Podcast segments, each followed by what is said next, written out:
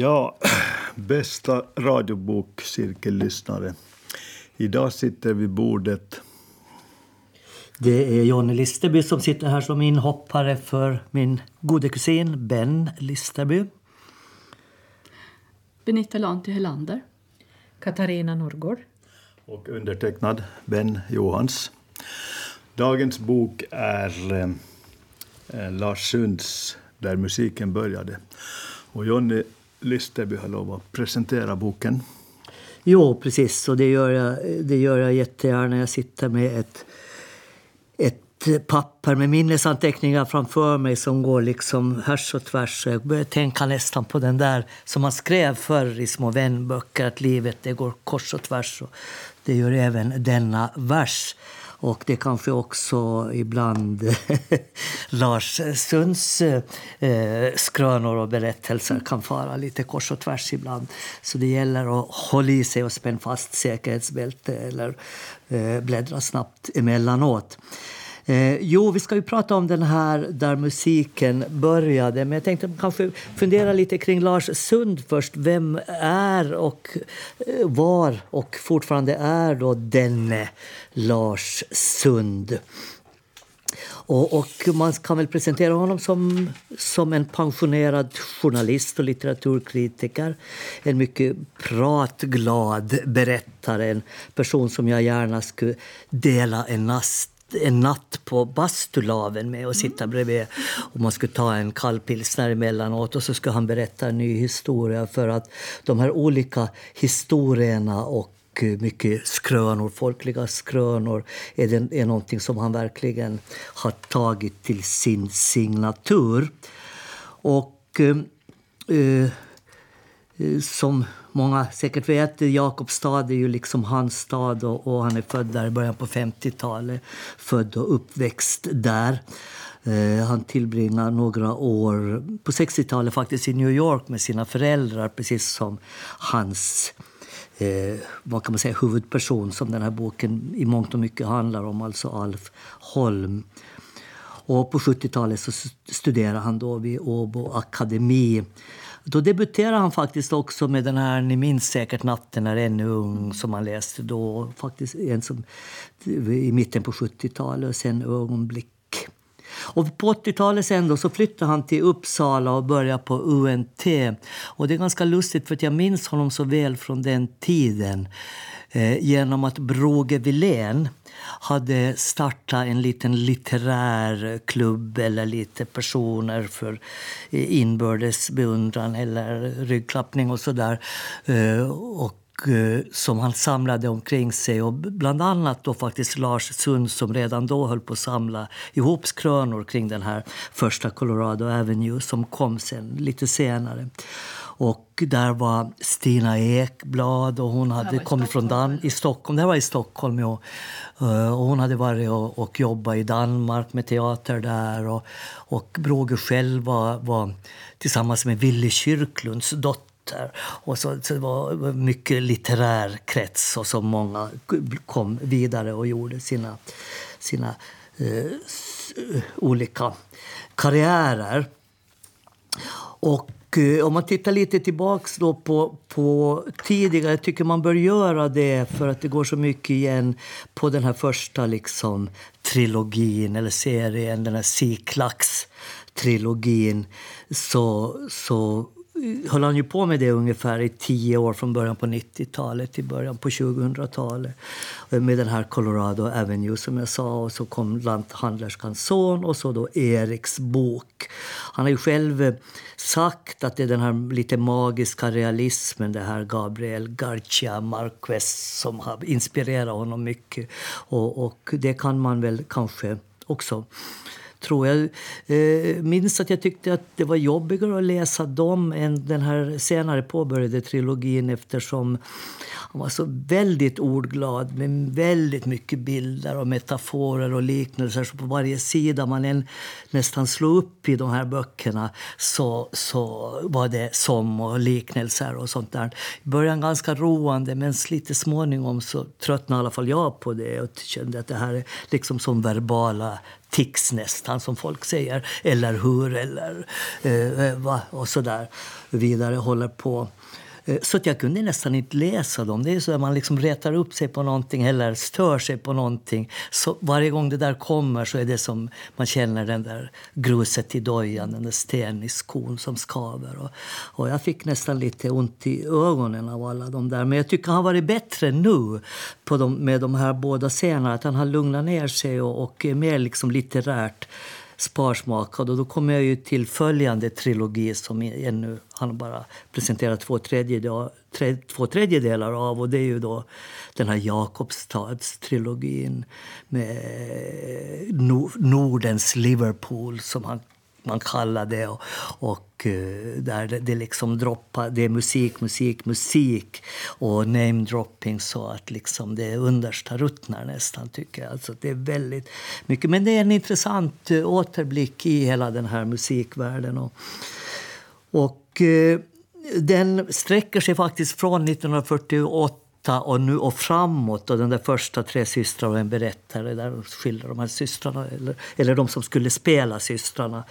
Eh, det var ju bara två som var systrar på, på riktigt. Så, så, så är det ju den här Tjechovs pjäsen då, mm.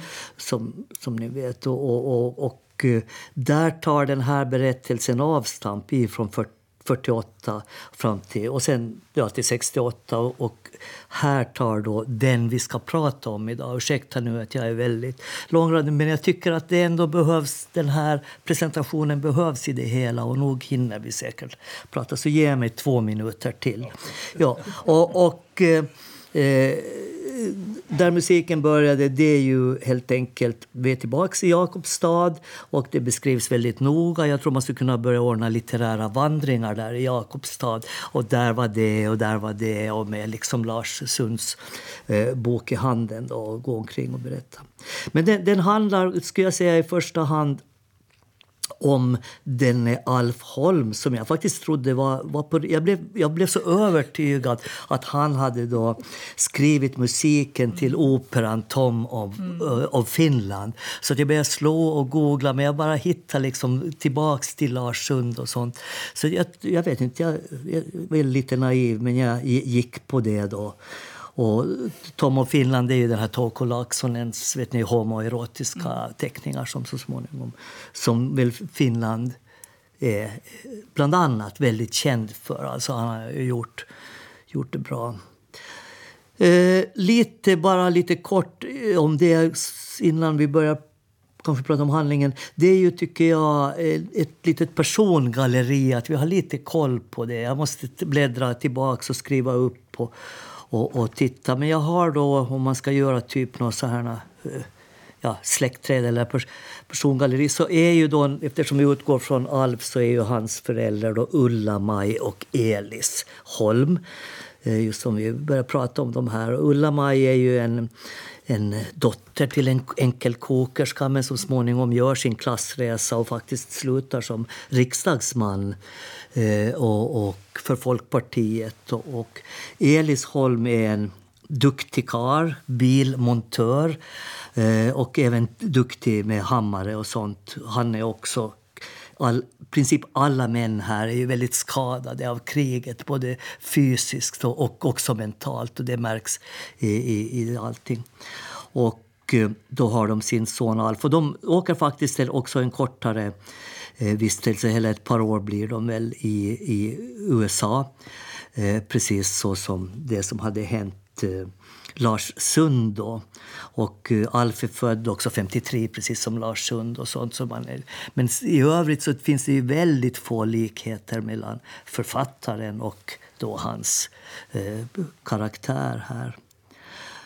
Eh, det är de. Och sedan så har vi ett, ett, ett annat par som är väldigt intressanta och det är ju Margit, eller Maggie eh, och, och hennes man då Göran Schalin som är en otrogen alkoholist som inte borde ha det fina jobb som han egentligen har fått men aldrig egentligen haft på riktigt heller. För före det var det hans mamma som styrde och ställde med den här eh, sulfatcellulosafabriken cellulosafabriken och, och eh, och numera är det väl Maggie. Maggie skäms faktiskt hela tiden. Hon försöker hålla upp ett så här skentillvaro. Hon skäms över sin, sin alkoholiserade man och vet också att han gör sina snedsprång men hon försöker dölja det och alltid glittra, lika glittrande glad värdinna och sådär. Hon skäms över eh, dottern Haje som är, är, är, bipolär. För Det var liksom väldigt eh, skamfullt att ha någon form av mental eller vad man kallar för sinnessjukdom som hon försöker dölja. Sen har det visat sig att Haje också är, är gay. Eh, så då blir det inte något roligare för hela Maggie. Och så har hon ju dottern Neppe som är väldigt, väldigt duktig på alla sätt och vis. Bäst på allt i skolan och gymnastik och hon blev seglare, började studera till läkare men hon är ju då ganska tidigt, redan 68 blir hon kommunist och bär FNL-märke och sånt som inte riktigt passar in i Maggis Sen finns det en dotter till som heter Bambi som jag eh, kom på faktiskt här idag. Att henne hade jag ju glömt helt och hållet. Och jag lite bläddrar och tittar. Jag undrar om inte hon som förför tar svendomen av den gode Alf. Kan, det är inte så. Det är stora syster. Det är det stora syster. De är ju allihopa eh, på olika sätt ihop med, med, med Alf. Eh, ja, där är jag nästan klar. Vi har ju då Iris som är, är då skidkuskens dotter och som blir då en väldigt god en riktig skådespelare efter det, den här stora tragedin och dramatiken i den här boken tidigare, Tre, Tre systrar och en berättare där som slutar väldigt dramatiskt. Och så har vi skrivläraren som den här berättaren hela tiden för som är ointresserad och oengagerad och sitter där med sin öl och, och och eh, ja, ställer, han visar hur ointresserad han är. Sen har vi en verkligt färgstark figur, Odin Sikström som är den lokala tonsättaren och cyklist och plåtslagare. Han spelar in egna skivor i egen studio, cyklar omkring och säljer sina skivor i bygden och sådär. Och så har vi ju då berättaren då till allra sist. Uh, och uh, hans föräldrar. Och där har vi igen det här väldigt krigsskadade papp. Han, han kallar dem för papp och mam. Det har jag aldrig läst eller hört förut. Är det så? Papp och mam, ja. ja. Och papp är också krigs, eh, krigsskadad. Eh, han är extremt religiös. Och han har också dessutom hårda nypor så att det smäller lite nu och då. Och det funderar om det inte är lite generationsfråga. Man, som vi som är födda på 40-talet, början på 50-talet, lite nu och då fick man sig en hurring och en lugg och så både från föräldrar och lärare. Så det var kanske inte så, så märkvärdigt med det. Men, men han bär på en väldigt stor svärta. Eh, nu känner jag att jag har pratat alldeles för mycket så att nu slutar jag här. Men det var, jo, men det var väldigt så får bra. vi lite, det var väldigt bra. lite att ta tag i och hugga in på olika bitar. Då. Ja. Ja, men det vi kan nämna är ju att den här boken är nominerad. Den var nominerad för Finlandiapriset och nu är den nominerad för Nordiska rådets Ja. pris. Det kan man också nämna. Ja. Det är väl därför du lyfter den. Jo, jo, jo, jo. Och eh, Ja, för er som kommer in sent i sändningen nu så pratar vi nämligen om Där musiken började eh, av Lars Sund. absolut, absolut. Och eh, kanske eh, i mitt tycke lite förvånande att den är nominerad för Finlandiapriset. Men, men så är det och det är ju bara att gratulera Lars Sund för det. Ja, ännu mer förvånande att den är nominerad till Nordiska rådets pris, tycker jag. Ja, just så. Ja. Okej. Faktiskt. Ja. Eh, Jag måste ju säga att, att vi har läst i princip allt som Lars Sund har gett ut. Mm, Naturliga skäl eftersom jag kommer från hans hemtrakter. Eh, och, och har tyckt om hans böcker väldigt mycket. Kanske inte så mycket den där Siklax-trilogin just. Jag tyckte också att den blev lite, den blev lite väl mycket. Men till exempel den som kom lite senare, En lycklig liten ö, den tyckte jag var alldeles underbar. Och, och, och det här, de här tidiga böckerna han sa jag också uppskattar väldigt mycket. Men, men den här, när man börjar, kommer in på de första sidorna och läser den, här har man den här berättaren som, som står och tittar vid torget i Jakobstad. Och det, nu är vi alltså i nutid när de håller på och river terrassohörnet och river den här skruvade pelaren, ce- cementpelaren som fanns där. Och jag var så här ah, gaturally, det var där man skulle träffas. Ja, men vi ses vid pelaren uppe vid terrassohörnet. Den, den far. Och sen dyker Odin Sikström upp. Han, har, ja, alltså han är ju en, en, en riktig person som har funnits. Men han måste ju ha varit död i 20 år åtminstone. Och dyker upp med sin cykel dragande så det visar sig att det är bara berättaren som kan se honom. Ja, vad tycker ni om det greppet? Jag, jag tycker att det är ganska trivsamt faktiskt. Jo, det, lite udda grepp, Jo. alltså att man har en, en, en person som har varit död, avliden i 20 år, som dyker upp på sin cykel, sin tioväxlade crescent och som han samtalar med emellanåt. Jag tycker det skapar en viss trevlig stämning på något sätt. Det. Det är väl lite det där magiskt realistiska greppet som med, med, just med den skärvan i ögat som gör att han kan se, Ja, precis se de ja. döda. Det var ju samma i den tidigare med den här kråkan. Man kunde, han kunde prata, tala med en kråka och sådär. Och det är väl just den här kanske... Och sen plus eh, skrivläraren då, som han också är egentligen en figur som inte hör hemma i boken men som han samtalar med hur Jo. han ska lägga upp Jo, det här. jo, Och, eh, man kan ha olika åsikter om det. Kanske tar det ner flödet i berättelsen eller tillför det? Vad Jag tycker tycker det ni? är ganska trevligt. Ja. Egentligen, den här Odin Sikström var ju som en sån här moralisk tråd här hela Mm. tiden. Men just det här med blandningen av fiktiva och... Ja, vad heter det nu då? Magisk realism? ja. Nej, jag tänker på fiktiva personer och, Ja. och sådana som inte alls finns. Nej, nu rådde jag riktigt rysligt. Ja, blandningen mellan fiktion och fakta vad Just gäller det, det. Ja. eh, personer här. Det förvirrar mig jättemycket. Som du var inne på här när du talade om den här, att han skrev en opera om Tom och Finland. Ja. Klart. Jo, jag vet att det finns någonting musik om Tom Ja. och Finland. Men det var en musikal och det var inte alls någon som hette Alf Holm eller något dit Nej. och som inte hade och han blandar så Jo, mycket är sånt här. Så som gammal journalist så slår man upp fakta och man liksom, Mm. man har, det ligger här på någon lager, någon disk och så slår man upp, jaha men var det sådär, var det sådär? Ja. Hmm, hmm. Likadant med den här Iris Kvarnström som var Ja. på Vasa teater då och som hade huvudrollen i My Fair Lady i Helsingfors. Då. Ja. Men det var ju Lisa Tomi. Ah, mhm, va? Så här. Ja, ja, Sånt där störde mig. Liksom så här. Tills jag Ja. måste bara släppa ah, nu struntar jag i det här. Ja, ja, ja, ja. Vem Ja, som är ja. sann och vem som inte. Särskilt som han också har så mycket som är fakta när det Ja. gäller Rolling Stones, Beatles och deras låtar och när de kom ut. I Kvävlax. Ja, ja, Som precis. ju är ett jättetrauma i Ja. Österbotten fortfarande Ja. bland Ja. äldre människor. De kommer ihåg den. Ja. Men det han gör här med hela boken, med hela upplägget, så tycker jag att han har ju listat allting som har skett i vår tid, liksom då från 48 och fram till början av 90-talet. Allt som finns, liksom. man ser att han har använt eh, tidningslägg där han har gått igenom år för år och där har han har fått in allting, allting.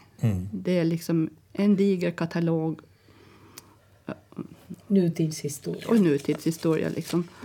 Att det är inte enbart musiken som Ja, just det. Alla namn på alla ba- Allt som har hänt. som det heter. allt Ja. som har hänt. Deras och, låtar. Ja. Men det som också som jag tycker är lite fascinerande när man har läst hans böcker, tidigare böcker. eh, I, I filmvärlden har man, har man ju det här begreppet cameos.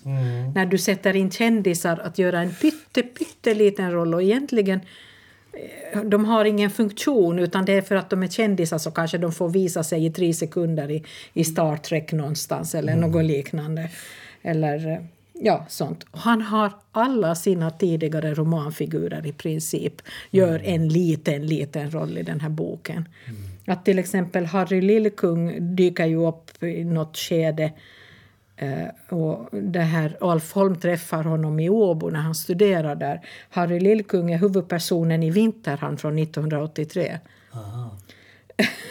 Jag tror att Eki Bergman från den här, eh, den här eh, Natten är nu ung också glimtar förbi med sitt band i Jakobstad. Det är liksom, de dyk, och Jakanista, kungen Otto, han är Jo, också just det, med. han ja. Som skjuts, skjutsar Så eh, att, Maggis eh, pappa där Han till måste ha haft lite orkestern. roligt Ja. när han har suttit och plockat in dem. Men här skulle ju Otto kunna komma med sin lastbil.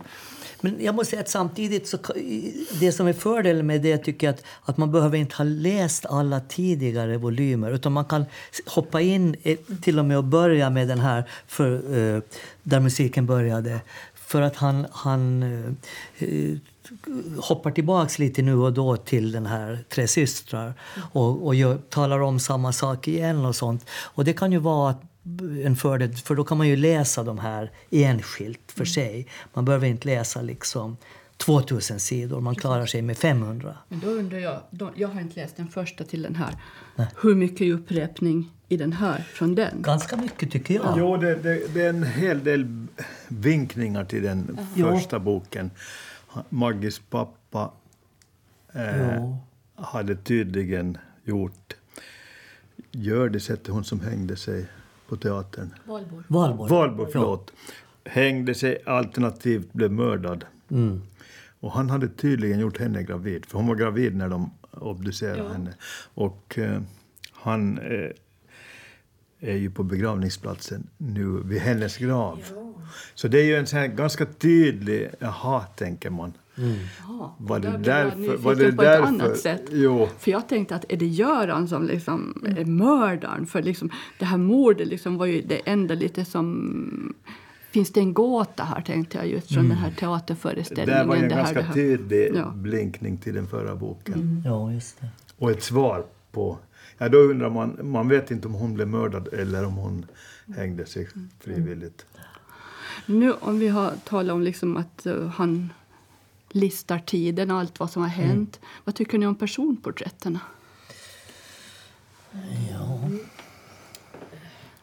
Ja. Jag tycker ju om de här mera udda figurerna. Jag tycker, gillar liksom eh, Odin bäst Som, som är så övertygad om sitt... Och, men trots att han är både plåtslagare och väldigt då musikalisk och håller sång och musik högt så, så tar han ju ändå berättaren till sitt hjärta som är både höjdrädd och dugar inte till plåtslagare och dessutom totalt tondöv och har ingen sångröst överhuvudtaget. Han tvingas sjuk, sluta sjunga efter eh, en enda första raden i En blomstertid nu kommer eller något sånt där. Så- Men han tar honom ändå till sitt hjärta och blir liksom hans Ja. vän genom...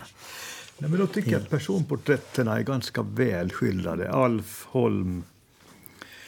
Eh, då får man en, en föreställning om vad det var för person. En, en musikaliskt begåvad kille som var lite för blyg för att vara med i alla popband och sådär. Det tog Ja. tid förrän han steg upp på scen. Ja. Jag tänker att den här mamman, hon blir en sån här Ulla-Maj, hette Ja. hon väl? Holm? Ja. Hon blir en sån här väldigt trist stereotyp på något sätt. Eh, hon, världen ska vara som hon vill. Människorna visst. ska vara som hon vill. Eh, hon ger aldrig Alf ett erkännande, denna unga pojke mus- med musiktalang.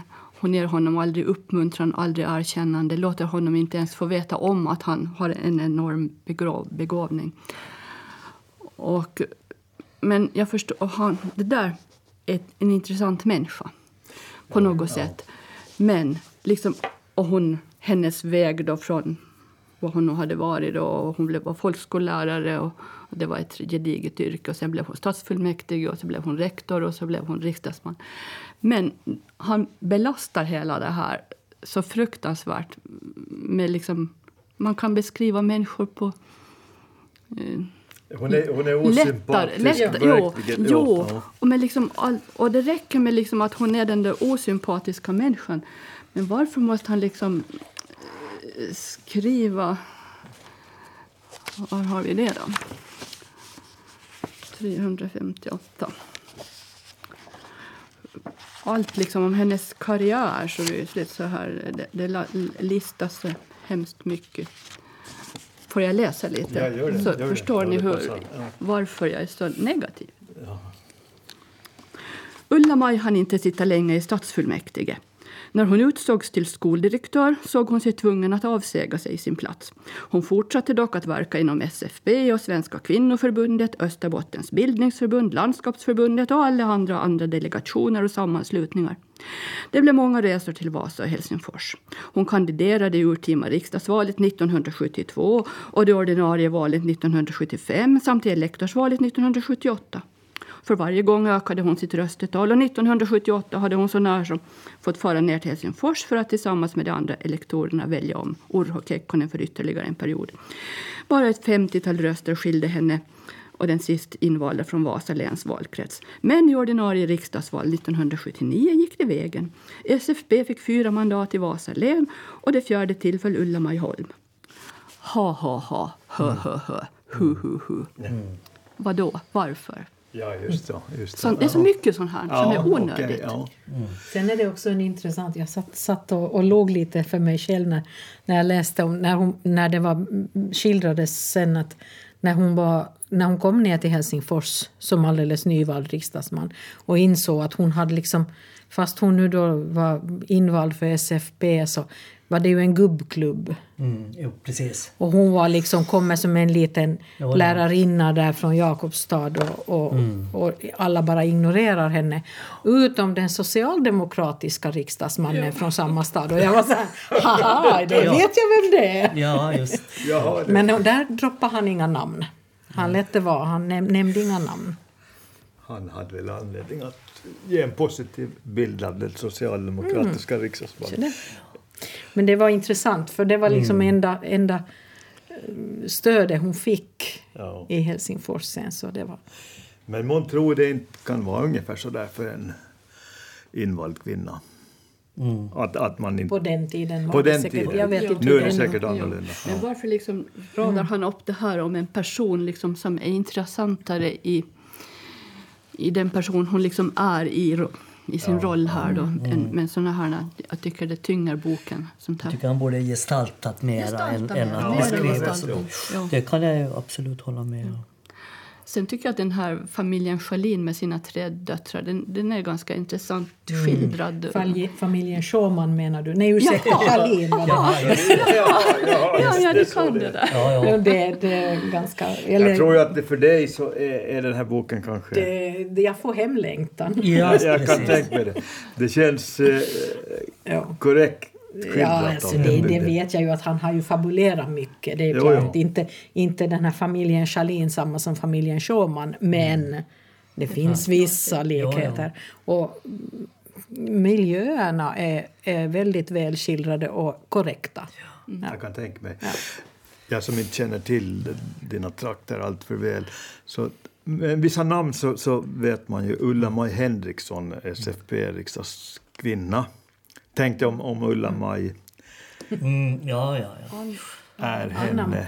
Anna-Maja heter Förlåt, Anna-Maj. Anna-Maj. Där ser du. Och, och eh, tonsättaren Per-Anders Nordqvist. Han nämns väl? Jo, men jag tänkte, när jag började Nordgren. läsa boken så tänkte jag att Alf Holme är, är en skildring av honom. Mm. Men tydligen inte. Nej. Det jag saknar här, eftersom det handlar om musik, så tänkte jag att den åländska orkestern Good Evening Manchester skulle ha dykt upp där. Mm. Ja, ja. Också, för de var, ju, de var ju verkligen udda. De slog ju igenom med Mm. musik på svenska och så här och gjorde turnéer där. Ja, just Men nej, det kunde han ju ha fått ett Och pluspoäng för. Hitchhikers som gjorde Yes. turné över hela svensk Finland. Och visst, flickorna ja. stod och klängde kring folkvagnsbussen där. Ja, var ju jättestora då med de här. Ja. Ja. Men det som är vackert i den här boken det är ju hela Alf, tycker jag. Mm, han är nästan lite väsen Han är, sådär. ja, ja, och, och sen den här sista delen i boken då när han återvänder till New York som vuxen och träffar sin Helen som Mm. cellospelande Helen vid Met, ja, det, or, ja, ja, Metropolitans. Orkester i New York. Ja. Och de blir ett par och deras kärlekssaga. Alltså där, där blir han så bra, Lars Mm, Sund, helt plötsligt. Ja, men det är sant. Den är Ja. jättevacker. Ja. Ja. Och hon, hon blir mördad. Mördad, helt ja. enkelt. Ja. Nej, men det, det, jag tycker också att andra halvan av boken ja. Blev, blev jag mer engagerad i än, än första delen. Ulla-Maj visar ju sig inte alldeles för sympatisk gentemot svärdottern där. När, Nej, inte mot någon. nej, inte mot någon. Nej. För ingen får Alla var hennes- rivaler och fiender. Och så. Hans musiklärare berömde ju honom inför Ulla-Maj. Ja, Men hon vidarebefordrade inte. Det var väldigt irriterande. just det. Kunde Ja, väl hälsa honom att... Ja, och orsaken, det som jag reagerar på också, det, just när de är i USA och han får vara och, och sjunga vid någon baseballmatch. jo, just det. Eh, och, och det här, för att hans musiklärare anser då att han är väldigt, väldigt begåvad. Ja. Och, och, det här, och efter det så beslutar Ulla-Maj att nu flyttar vi hem. Just det. För hon vill liksom inte att han ska inbilla sig att han kan bli någonting med musik. Ja, och inte För han ska ju bli lärare Och inte bli naturligtvis. amerikanare heller. Han Ja, skulle ju inte få bli amerikanare Ja. för han hade ju så lätt för språket också. Men alltså jag vill minnas att, att det var någon liten sidohistoria om Ulla-Majs pappa som också var musiker och också hade problem med spriten. Och Sen hade han hållit sig då ren eller vit och sen åkt dit igen. Det kom just var Otto Näs det som kom och, och skjutsade dem. De hade fått problem med bilen och, så, och han var bara som inhoppare eh, då. Det var inte alls meningen. Nej, och så, och så bjöd Otto Näs på lite av sina varor då och så ryckte han dit. Att det kan ha varit just det där att musikerlivet var, Skrämde henne. skrämde henne och var liksom farligt. Och, Ja, det, här, det här var jag faktiskt... Jag satt och, och log för mig själv när jag läste den delen och för att när han beskriver då när, när han här äh, Ulla-Majs pappa sätter sig bakom trumsetet och tar trumstockarna i händerna och så räknar han in första stycket som var Ramona. Och det är liksom lite före min tid det här men, men, men det är lite, jag har en, familjehistoria. Det var nämligen så att min farfar och hans bror hade en dansorkester i Österbotten på 50-talet. 40-50-talet. Eh, och de hette Ramona. Oj! Ja. Och eh, det här, var, det här var alltså deras signaturmelodi. Och jag jobbade på, på det här butiksbilen en gång och, och min mamma var också och ryckte in på butiksbilen och då var det den här farfars bror som körde butiksbilen. Och de kom till någon, någon av sjöbyarna ute i Oravais eller var det var. Och, och så var det en, en äldre dam då som klev in i bussen. Är inte du som är Sigurd? Ha- Du, du var med i Ramona. Kan du inte sjunga den åt mig? Och så sjöng han Ramona för henne där i butiksbilen. Nej. En sån här familjehistoria. Japp. Oj. Ja, det, var, det var en fin historia. Men återigen till det här med att man blandar och fiction, fiktion och, och fakta. Eh, jag är nog så pass, eller jag önskar att jag vore så pass generös i mitt sinnelag att, att man låter mycket gå under det här licentia poetica. Och problemet är ju alltid när man blandar då verkliga personer, händelser med sin fantasi och gör om och bakar ihop. Men trots allt så är det ju, det är ju skönlitteratur och man ska ju läsa det som skönlitteratur. Alltså om man kommer och eller känner till bygden så vill man ju gärna läsa in massor med personer och händelser och sånt. Och för att liksom se hur, och det där har ju många Eh, Leo har ju varit med, verkligen utsatt för det. Och, Ja. och ja, Sally Salminen och, och all, alla däremellan. Så att eh, visst. Eh, Nu kan det ju skapa en större trovärdighet åt berättelsen. För det där Ja. har jag diskuterat mycket med Leo Löfman och eh, nu tror jag vi har enats om att det kan få vara. man stör ju sig på det att man inte vet riktigt är det sant eller inte. Men å andra sidan, har det någon betydelse när man läser ett skönlitterärt? Men det kan irritera. Jo, jag håller med om att det är Ja, ja. När, man, när det, det är så här uppenbara så Jo. fakta Jo, som jo, det här. jo, men jag förstår. Jag förstår. Men jag försöker ändå Ja. Jag, vara lite mer försöker, jag försökte fundera, att är det här någon slags pikaresk? För han skriver ju med glimten i ögat, Ja. liksom, så här, med en sån här stillsam humor med en liten, liten uppåtböjning här Mm. i mungipan så här ibland, liksom som det där typiska att eh, man valde om Kekkonen vart sjätte år och allt sånt där. Det finns Ja. många sådana där små Ja, saker. precis. Men ändå är den inte liksom riktigt tydlig som pikaresk tycker jag. Med, i, i, i sin det- beskrivning. Nej, Den, Sen har ni tänkt på att han, hur han har lagt upp den här, liksom, en symfoni med stycke med jag, jag har förstått det, men jag är för dåligt musikaliskt bevandrad i de här termerna och saker. Så att jag, jag, jag förstår inte poängen för min del, men jag förstod Avslutningen att han gjorde koda. så. Koda, jo, Ja. nej, jag, har, jo, jag tycker inte att det tillför någonting Ja. på det sättet. Nej. Mm. Det, är säkert att det, han menar väl så här att teman kan återkomma Ja. och teman kan återkomma. Men det kan det väl göra i böcker om det är Ja, ja. bra också. Men när han kom till det här eh, kapitlet, eh, mm, ska vi se då, var tredje satsen, moderato mm, amoroso som betyder måttligt fort. Och det var 70-tal och då var han tänkte jag, "Jaha, men nu ska det bara hända lite mer då än den där brutala kåtheten bara som han Ja. skildrar ganska sådär ofta. Ja, just det. Ja. Men det finns ju en, en blandning som man... Är det här fakta eller är det inte? Alltså den här Iris, vad hette hon efternamn? Kvarnström. Ja, Kvarnström. Kom 53 till Vasa teater. Eh, Det engagemanget gick dock bokstavligt talat upp i rök. Men där träffade hon en frans, svensk-fransk scenograf, en kvinna. De, de Simone. Ja, Simone. Ja. Och hon, Iris gjorde, gjorde karriär också i Sverige. Hon,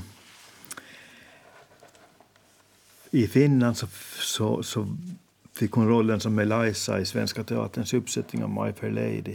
Hon kom till och med i Hylands hörna i Sverige. Ja, just det. Då börjar man undra, alltså, vem är det där? Och är det fakta? Och det är tydligen inte fakta alls. Va? Det var Lisa Taube. Just så. Ja. Även Odin Sikström såg Iris uppträda i Hylands hörna. Det. Alla såg. Det var väl så att, att, att någon finlandssvensk medverkar i Hylands hörna och så plockar han in det liksom som så här företeelser, sånt som har skett, liksom, sånt som var inne och att vi tyckte att det var så märkligt om någon från våra regioner fick vara med i Hylands hörna. Förmod, Det är så han liksom Ja, ja. plockar in sina Det var personer. intressant att veta vem det. det skulle handla om. Ja. För troligtvis var det någon finlandssvensk som gjorde karriär i Sverige. Och jag har ju hört honom själv säga att han läs, har läst alla liksom, vad heter det, Jakobstads tidning. Ja. Eller, eh, liksom dagstidningar. läst igenom, suttit på bibliotek och läst och läst och gjort sina anteckningar. Så, då får man ju massa uppslag naturligtvis. Och så kommer man, säkert är det någon som ni säger som, som har varit med. Ja, just och, det, som blev omskriven Ja. hemma i Kanske våran egen eh, Ekman. Eh, eh, Just det. Ja, alla vet vem jag menar. Ja, sjunger allt och sjunger blues och sjunger... Eh, Elisabeth. Elisabeth. Ja, just det. Ja. Okej. Hon var ju med i Svensktoppen och var Jo, ju jo. där i Vasa. Det var väl där hon, de träffades. Så jag undrar om inte hon också har varit med där Ja, just det. i, något tv-sammanhang. Men just det där du säger, han bläddrar mycket i tidningslägg och det syns lite för tydligt tycker jag i den här boken. Han, han har fastnat i det här googlandets glädje eller Ja, blädd. Ja. Läggbläddrandets glädje. Därför blir det väl så intre- lätt att ta med för mycket detaljer. Ja, det, ja, det kan man tycka. Boken är ju rätt så tjock också, nästan 500 sidor. ja, det är sant. Han har ju sagt någonstans att han gärna skulle vilja skriva noveller men att det inte lyckats för honom. Och sen så hamnar novellerna in i, i böckerna. Men jag tycker liksom, jag skulle stryka massor i den här boken och, och, och, och göra det mera Ja. med relationerna som ju finns här, som starka relationer. Och, men han vill ha det som ett tidsdokument tydligen. Eh, Det ska ju komma en bok till så får man se hur, Ja. hur det går med, Då med kommer alla. säkert Ja. um, den här tredje systern Bambi. Mm, Hennes just det. barn då. Ja. Ja, Ja. Det blir ju det. Och någonting med det här mordet Ja. Varför- Valborg-mordet. Det var ju en kamel, kamelpuckel heter det, som liksom planterade. Ja, ja, ja. Det, ska, det ska nog dyka upp i nästa bok. Ja, Det är det meningen. sen eh, sades det någonstans att det fanns samband med, ett samband mellan de här bo, båda morden på denna Valborg och sen på denna Helen Alfs fästmö i New York på Met. Ja, det du sades det också. så? Jo, det stod rent oj då. Oj då. Ja. Jag, jag tycker om att läsa deckare och jag är Ja. ganska bra på att hitta Mm. den där mördaren. Alltså, Min där- man är nästan så irriterad på mig det. liksom, när jag säger ja, det är den där som är mördaren. Så jag lägger märke till de där trådarna som planteras ut. Det är klart att varför ska han annars ha låtit henne bli mördad i New York? Det, det har ju väldigt liten plats i den här berättelsen Ja. för övrigt. Med Ja. vilket, Så det, det dyker också vara. upp i nästa bok. Ja. ja. Ja, men alltså berättarglädjen och ambitionerna och allting och att han är en driven skribent det kan man väl inte ta ifrån honom ändå, även om, om man sen kanske vissa tycker att det blir lite för mycket av det goda. Det är sådär om man tycker om både korv och glass så kanske det inte är det godaste att skära ner korvbitarna och blanda dem med glassen. Och så kan man väl drabbas här ibland också då, eventuellt. Du beskriver det bra. Att, att, eh, eh, att eh, ja, jag tycker om det, jag tycker om det, jag tycker om det. Men jag vill inte kanske ha allting på samma gång, ur samma skål. E- Eventuellt, men... Eh, ja, jag, jag trivdes bra faktiskt. eh, Och jag tyckte den var väldigt lättläst. Och gick, sina 500 sidor till trots så gick det ju väldigt fort att bläddra och bläddra, tycker jag. Jag tyckte att det var ett så stort persongalleri att hålla reda på så jag måste lista dem. Ja, Mm, det var lite för Ofta många. är det det, för mig Jo. också. Särskilt nu när man har börjat få svårare med namnen. Nej, men de Så- kom så rap ja. rapsodiskt och så här. Jo, jo, jo. Ja, alltså man kunde tro att han, har, att han hade studerat de här stora ryssarna. Mm. För det är, det är namn på namn och det är smeknamn och det är... Jo. Det, det, det är lite... Ja, jag vet inte, jag får, jag får lite den här känslan att, att eh, han har... Mm. Han har ju Mm. läst Kika lite på dem. Krig och fred och sådana. Jo, jo, det- jo, säkert visst. Engelska. Engelska, svenska och litteraturhistoria och på vid Åbo I. Marquez romaner kryllar det av namn. Ja. Mm. Jo, Faktiskt i, i ännu högre grad än här. jo, men de håller jag bättre reda på. Du menar det? Jo. Okej. Ja. Ja, antagligen för att de får ett ansikte genast. Okej, Jag vet ja. inte. Ja, jag läste Jag vet inte. Det var någon bok, det var det någon av åländska som hade ett sånt här familj, släktträd Ja, innanför pärmarna. Karinas. Ja, just det. Ja, det är jätte... Ja, det är inte jag, jag tycker om det. Ja. Liksom, titta, för annars måste man ju rita upp det där själv när man börjar bli lite förvirrad. Men då tittar ja, ja, mm, mm, mm, där, ja, Så precis. gamla är vi inte. I- Jag är 70-plussare. Ganska klar i skallen, tycker jag då. Trots. Ja. Nej, jag måste men jag fortfarande, jag, för min del så åtminstone, så jag, jag får hemlängtan. Mm. Eh, inte nödvändigtvis för Ulla Majholms skull.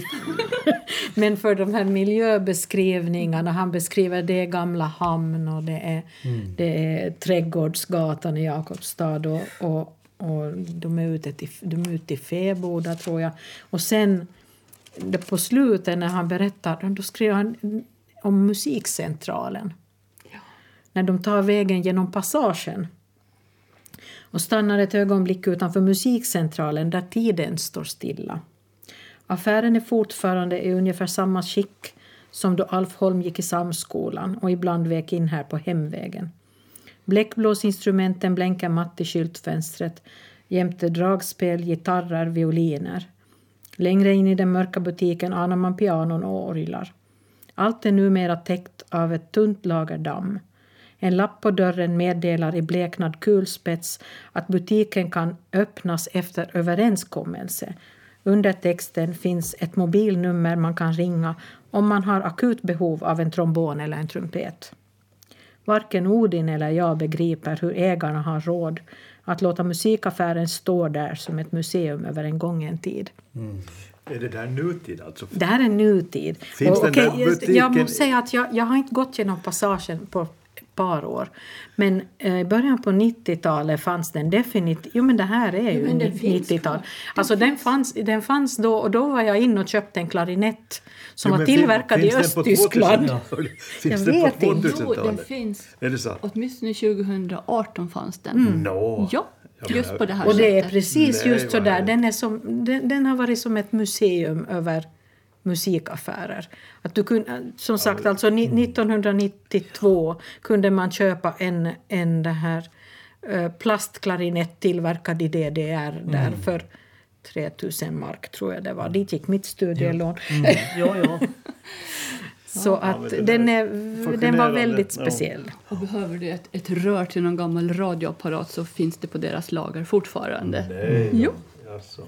Men en, sa, en, en person som jag blev glad åt så var ju den här Viktor Sund som också dök upp där. Som, han som har skrivit texten till Där björkarna susar. Den här sången som Oscar Merikanto har tonsatt. Och, och den här sången spelar ju också en väldigt stor roll i den här boken. Ja. Och, och, och den, ja, det är en sån där sång som man älskar när man var en mycket ung tonåring. För Ja. Den var så romantisk och den spelades ju Ja. på många bröllop på 50-talet kommer jag ihåg. Och så där.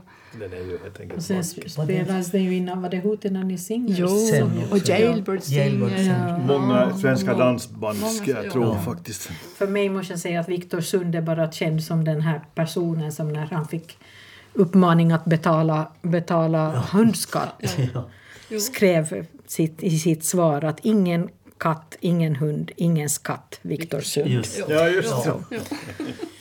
just det. Är han släkt med Lars Sund? Och Det undrar tror också. jag faktiskt att han kan vara. Jag, Jag det vet är Lars inte, Sunds men... far. Där. mm, Nej, inte far. Nej, pappa. Nej, nej, nej. Det var en annan. Det var ju predikanten. Ja, just, just. Nej, men det var inte Lars Sunds pappa förstås. Det berättarens. Men här fanns ju också något ganska österbottniskt, den här lästadianismen som fanns här också som en mörk klangbotten. Ja. Ja, det här bönehuset. Ja. Ja. Men där har man ju den här kristna niten, uppfostran med han här pappan som är religiös där. Jag tycker, där tyckte jag var en väldigt bra bild. Blott kommer ihåg den bara när pappan predikade så lät det, eller så var det som när gnistrorna yr från en vinkelslip. Hans ord. ja, precis. Det där var men det var bra. Ja. Där, där är det, skildrar han allting ganska bra, Ja. tycker jag nog, Ja. kring det hela. Jo, hela den där misshandeln av de här människorna egentligen. Ja. Både verbala och, Jo, men och, precis. och den här andra agan. Det var... Var det inte den här Björkarnas husa som Alf vann sin, sin hustrus hjärta med när han sjöng den? På? Han sjöng... Jo, Från Jo, om han kunde jo. den. Och då Ja. föll hon till föga. jo den finns Ja, just det. Ja. mycket Ja. intimt där. Ja. Jag tror att vi kan börja avsluta här. Eller har ni något ytterligare att tillägga? Nej, säg bara. Och, Orka eh, läsa till slut är det bästa kommer på slutet, tycker jag. Jo, samma här. Jag tycker att boken blev bättre och bättre. Lite jobbig att komma igång med. Delvis beroende på att vi hade läst Sara Stridsberg tidigare. Hon var ju ganska intensiv. Men Katarina Norrgård, du har valt musiken. Jo, eh, jag tänkte först, det, det har ju, boken nämner ju väldigt mycket all möjlig 60 och 70-talsmusik och jag funderade ett tag på Creedence Clearwater Revival men nej, det är Jakobstad. Så det ska vara Jakobstad. Så det blir reggae från Jakobstad med Dreadline. Just det. Och nästa gång så kommer vi att tala om eh, Sonja Nordensvans Frihetens pris och Karina Karlssons Märket. Vi delar på dem i samma program. Och Så. dagens bok var Lars Sunds Där musiken började. Ja, precis det. Och då tackar vi för oss.